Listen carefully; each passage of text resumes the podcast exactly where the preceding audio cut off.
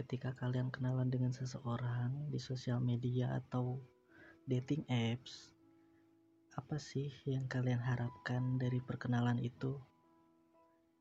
Apa kalian berharap bisa berteman dengan dia?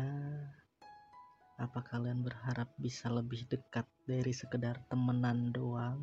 Ya entah misalkan sahabat atau pacar mungkin.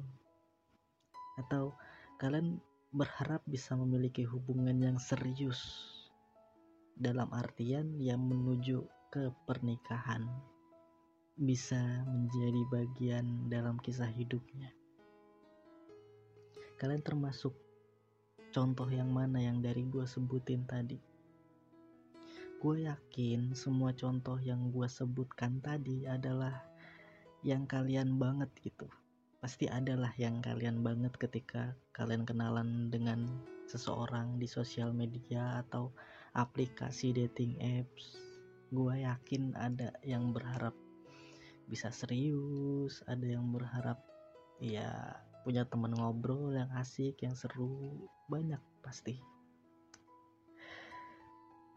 Dan di satu sisi pasti ada yang bukan kalian banget gitu yang make sosial media itu ya nggak buat kenalan atau bahkan nggak pernah make dating apps karena dunia nyata lebih menarik dari sekedar sosial media ya.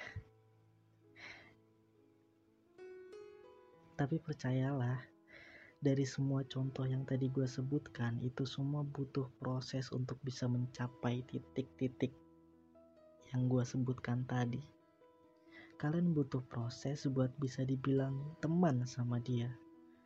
Buat bisa dianggap teman sama dia. Kalian butuh proses buat bisa disebut sahabat. Dan juga kalian butuh proses untuk bisa meluluhkan hatinya. Kalian butuh proses untuk di kemudian hari kalian bisa memiliki memiliki komitmen dan berlanjut ke jenjang yang lebih serius dan gak ada yang namanya instan di dunia ini. Semua butuh proses. Kenapa gue mengangkat tema sebuah proses pada podcast kali ini? Karena ada seseorang yang gue kenal dia tuh ada di suatu kondisi baru kenal sama seseorang tapi udah pengen memperjuangkan seseorang yang baru dia kenal itu maksudnya itu dia kayak ngejar banget si orang ini dan berharap uh, si orang ini ngerespon dia. Dia bahkan cerita ke gua kalau dia tuh udah diskusi sama temen-temennya dan katanya dia tidak menemukan jawaban dari pertanyaannya itu. Sampai akhirnya bertanyalah dia ke gua. Dia nanya gini dia nanya gini ke gue kak kenapa jika kita menyukai seseorang tapi orang itu kebanyakan gak suka sama kita? Tapi giliran ada yang suka sama kita kenapa kitanya gak suka sama dia? Pernah ada di kondisi yang seperti itu kah kalian? Gue yakin banyak sih karena gue pribadi pun juga pernah merasakannya. Gue pernah ada di kondisi gue suka banget sama seseorang. Gue kejar banget orang itu tapi ya orangnya nggak suka sama gue terus giliran ada yang suka sama gue ngejar-ngejar gue ini mah bukan kepedean ya tapi emang ada. Emang ada gitu eh giliran gue disukain sama orang gue hanya nggak suka. Nggak tahu kenapa ya. Gue yakin banyak sih yang mengalami hal yang sama seperti uh, orang yang sedang bercerita ini termasuk gue karena gue pun merasakan hal yang sama. Di situ gue jawab pertanyaan itu dengan jawaban yang sederhana. Sangat sangat sederhana gue bilang gini. Jawabannya ya sederhana. Cuma masalah selera. Ada orang yang suka pisang ada yang gak suka pisang. Kalau kamu suka sama dia dan dia gak suka sama kamu ya kamu bukan selera dia. Begitupun ketika ada orang yang suka sama kamu dan kamu gak suka sama dia ya orang itu bukan selera kamu. Udah sesimpel itu ya udah ya gue jawabnya gitu aja. Terus dia langsung menyimpulkan oh berarti aku bukan selera dia ya? Terus tanggapan gue gue menanggapi lagi. Ya tergantung. Kenapa gue jawab begitu? Karena kan gue belum tahu nih kondisinya gimana. Sampai akhirnya dia cerita secara detail. Gue pun jadi tahu juga akhirnya kondisinya seperti apa masalahnya seperti apa. Jadi dari cerita yang dia sampaikan gue nangkepnya gini. Dia baru kenal sama seseorang di aplikasi dating apps.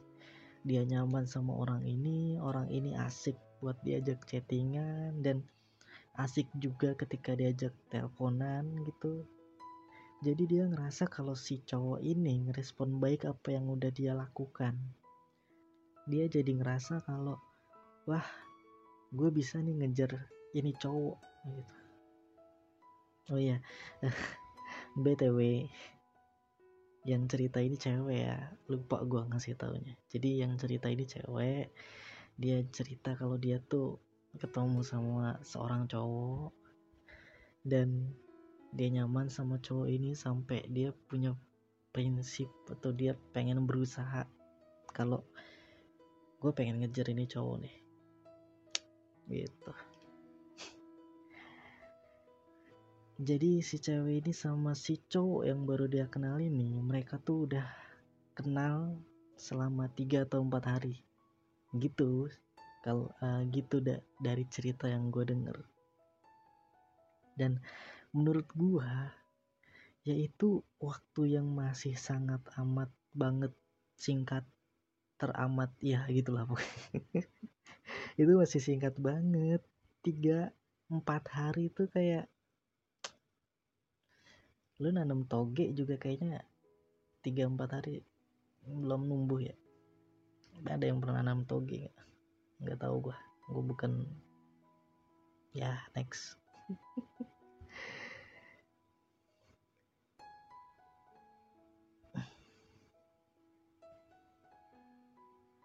Jadi si cewek ini sama si cowok yang baru dia kenal ini mereka tuh udah kenal selama 3 sampai 4 hari. Gitu yang dia ceritain. Dan menurut gua yaitu waktu yang masih sangat singkat singkat banget malah.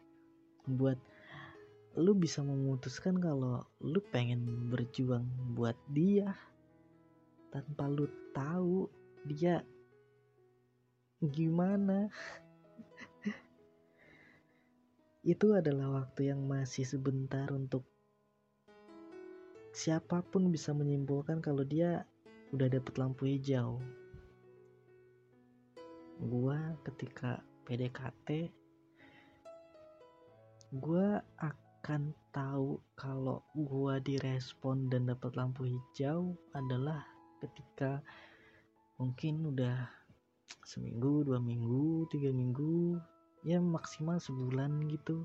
Kalau nggak ada perkembangan dari selama sebulan itu gue nggak uh, dapat lampu hijau atau gue tahu nih kalau misalkan dia nggak ngeres nggak ngerasain hal yang sama kayak gue ya udah stop. Gue bakal berhenti. Dan itu ya nggak bisa gue lakukan un, hanya dengan waktu durasi perkenalan yang 3 sampai empat hari doang. Gue nggak bisa langsung kayak wah gue suka nih sama dia. Gue harus berjuang nih demi dia hmm, gue nggak kalau gue pribadi gue nggak akan bisa kayak gitu ya. Cuma kalau misalkan ada orang-orang yang bisa secepat itu ya ya udah nggak apa-apa. Terus ya di situ gue bilang kamu yakin ngejar dia? Kamu yakin orang yang kamu kejar itu tahu kalau kamu lagi ngejar dia karena rasanya akan sangat melelahkan. Jika kamu harus memposisikan diri kamu berlari mengejar seseorang yang gak pernah lari dan gak pernah sadar kalau dirinya lagi dikejar hanya karena cat dibalas cepet asik dan nyambung diajak ngobrol bukan berarti kamu bisa langsung menyimpulkan kalau dia menganggap kamu sespesial itu bisa aja dia cuma ramah, bisa aja dia cuma pengen kenal dan menjadi teman sewajarnya teman gitu.